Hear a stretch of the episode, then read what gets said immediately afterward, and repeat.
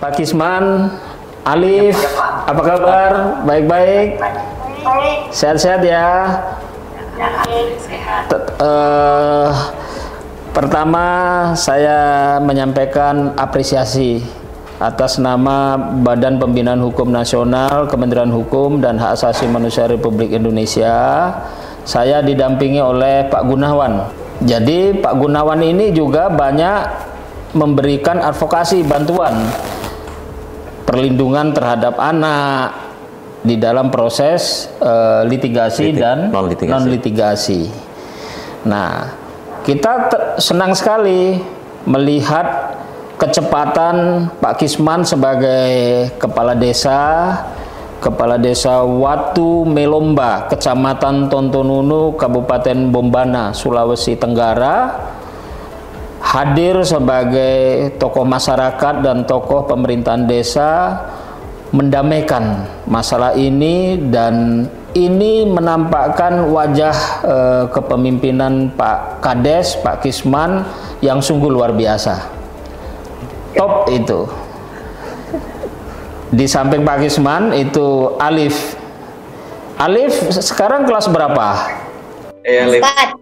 Kelas Oh. 4 di kelas 4. Pak Kisman, program BPHN Talks ini adalah program yang memang rutin diselenggarakan dalam bentuk podcast menyangkut eh, isu-isu yang dibahas oleh berbagai narasumber, isu tentang hukum, keadilan, eh, peraturan perundang-undangan dan sebagainya.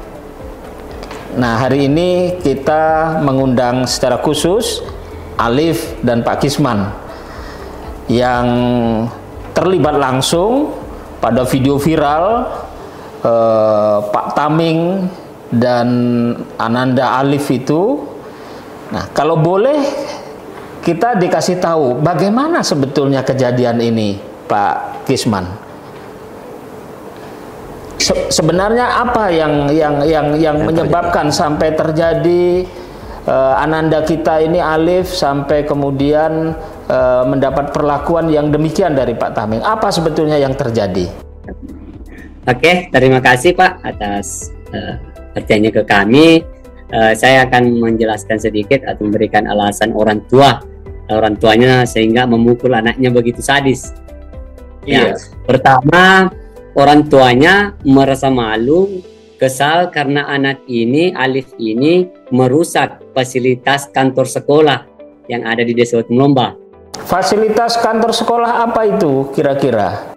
Eh, contohnya eh, seperti berkas-berkas eh, dana sekolah ada pring mere- eh, Alif ini dia hambur baru ada tinta pring kan tinta pring warna itu ada suntikannya dia, dia Hmm. isap itu eh, dia isap itu tinta baru disemprotkan ke berkas dengan tembok-tembok sekolah itu pak Oh, Nah, sehingga guru sekolah melapor kepada orang tua Alif.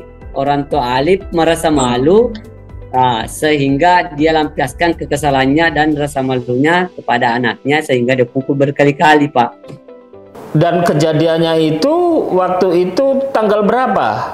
Hari apa? itu? Kejadiannya kalau saya tidak salah, Pak, dua hari sebelum bulan puasa, ya, ke- eh, tanggal 21 hari hari Selasa. Dan itu terjadi pada saat Alif sekolah di sekolah, pakai seragam sekolah atau bagaimana? Bukan waktu sekolah. Sebenarnya satu hari sebelumnya Alif ini merusak. eh, terjadi pemukulan nanti besoknya Pak.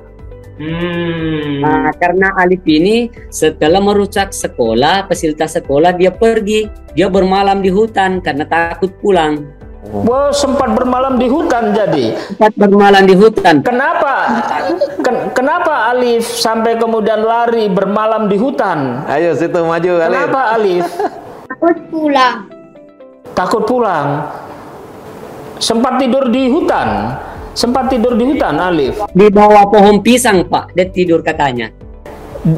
Di bawah pohon pisang. Ya, di, ba- di belakang pemukiman rumah warga. Sampai kemudian Alif bangun besok paginya. Iya Pak, Ya, Alif. baru iya. Begitu. Ya. Besok paginya ada yang jemput Alif waktu itu? Nggak ada. Enggak yang Nggak ada Pak, dia katanya pulang sendiri.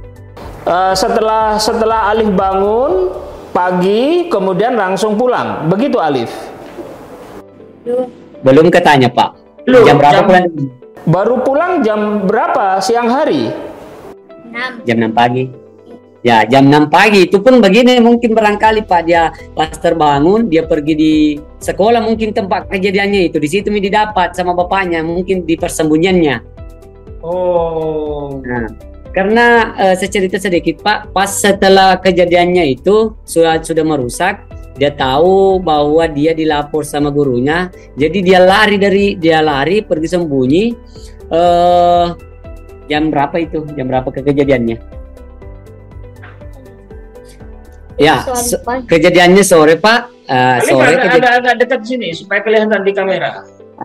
Sore kejadiannya jadi malam pas setelah kejadiannya Pak dia pergi sembunyi ah kebetulan saya mau masuk di kabupaten ada urusan saya dapat di jalan jalan kaki kurang lebih 2 kilo mi dari kampungnya dari rumahnya saya dapat jalan kaki jam 8 malam Hmm. Nah, saya, saya, saya ambil lah ini anak, saya bawa kasih naik di mobil. Ah, saya rencana kasih ikut sampai di kabupaten, tapi saya dapat tetangga. Jadi saya titip anak ini ke tetangga, baru dibonceng ke rumahnya. Pas sampai ketanya di rumahnya jam 9 malam itu dia lari. Ada lari itu sampai pagi baru kembali. Baru kembali sampai pagi ya. Oh, jadi jadi Pak Taming marah sekali waktu itu sampai kemudian tidak bisa eh, kontrol emosi, kemudian eh, kalau kita lihat di tayangan videonya itu sangat eh, keras sekali dan dan kesannya kayak sadis begitu ya. Jadi eh, itu saya juga sampai kaget-kaget itu melihat apa video yang banyak viral itu. Ya Allah, kok sampai begini cara orang tua membimbing, cara begini. Nah, ini juga sebetulnya peringatan kepada Bapak Ibu guru.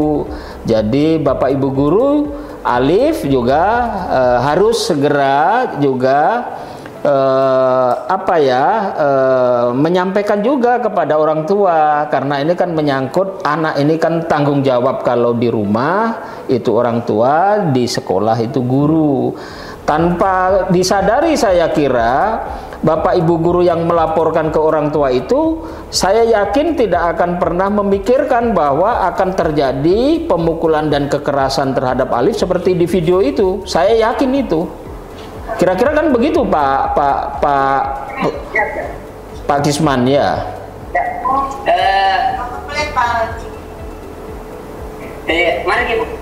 Kebetulan ada ibu dari pemberdayaan anak berkunjung di rumah kami lah di luar. Oh iya. Jadi eh, sampai begitu ya eh, kejadiannya ya kira-kira ya. Iya Pak, siap. Yang menarik lagi ke kita, BPHN itu sedang mempersiapkan program eh, Paralegal Justice Award dan dalam rangka mengembangkan desa kelurahan sadar hukum di seluruh Indonesia, eh, kita juga sedang mengakses menerima permohonan dari bupati, wali kota seluruh Indonesia untuk mengajukan calon-calon kepala desa yang akan mendapat apresiasi dari Yang Mulia Ketua Mahkamah Agung Republik Indonesia dan Menteri Hukum dan Hak Asasi Manusia Republik Indonesia, Bapak Yasona Hamonangan Lauli bagi kepala-kepala desa yang memainkan peran strategi sebagai hakim perdamaian desa atau dikenal juga sebagai juru damai desa. Jadi langkah yang dilakukan Bapak ini mengapa BPHN begitu apresiatif sekali? Karena sebetulnya inilah yang ditunggu peran kepala desa dalam rangka ikut meminimalisasi masuknya perkara-perkara hukum. Sebab yang dilakukan oleh Pak Taming, ayahanda Nanda Alif ini itu di dalam Undang-Undang Perlindungan Anak itu masuk kategori pidana. Dilarang setiap orang, termasuk orang tua, guru, siapa pun itu melakukan kekerasan terhadap anak. Itu ada ancaman hukumannya. Maksimal itu tiga bulan eh, tiga tahun enam bulan. Ditambah lagi kalau ada denda itu nanti diputuskan oleh hakim bisa kena denda juga. Nah, ini yang saya kira bagian Badan Pembinaan Hukum Nasional, Kementerian Hukum dan Hak Asasi Manusia Republik Indonesia untuk mengingatkan para orang tua, mengingatkan kita semua bahwa negara hadir melalui undang-undang itu untuk melindungi anak. Ya, kemudian eh, seandainya anak si Alif ini ada kekilafan seperti itu, maka tugas guru, tugas orang tua. Dan kita sangat uh, apresiatif sekali Pak Kades juga sebagai tokoh dan pimpinan di desa itu juga turut mendamaikan masalah ini dan sehingga masalah ini kita harapkan juga ini bagian dari kebijakan restoratif justice keadilan restoratif sehingga masalah ini tidak perlu diangkat ke uh, sampai pada proses peradilan. Harapan kita seperti itu.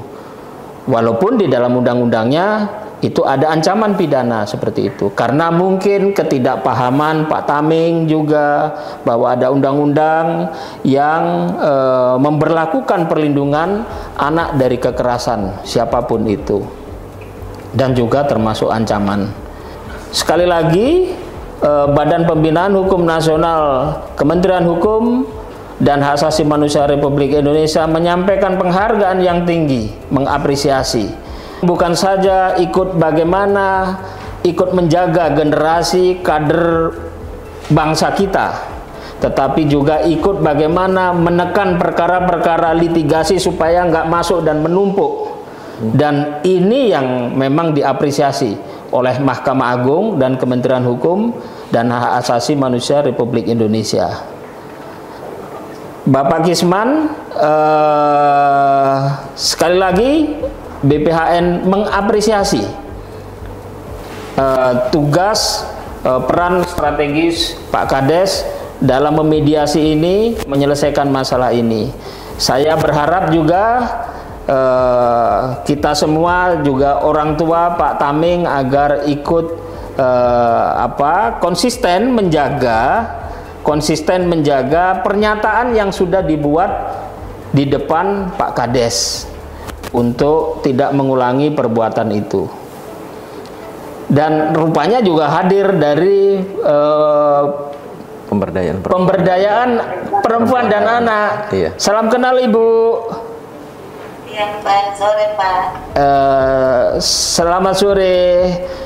Iya. Kita apresiasi Ibu, Ibu cepat sekali karena ini bagian tugas dan tanggung jawab Ibu untuk bagaimana mengclear up ini dan ini mudah-mudahan uh, implementasi kebijakan restoratif justice ini tidak masuk dalam proses sana. Kita berharap uh, para penegak hukum juga dapat uh, mengambil diskresi bijak untuk kasus ini karena ini memang persoalan uh, ya kenakalan anak biasa dan memang ini bagian tanggung jawab kita semua, baik pemerintah, guru, orang tua, termasuk Pak Kades. Luar biasa Pak Kades. Alif, semangat belajar Alif.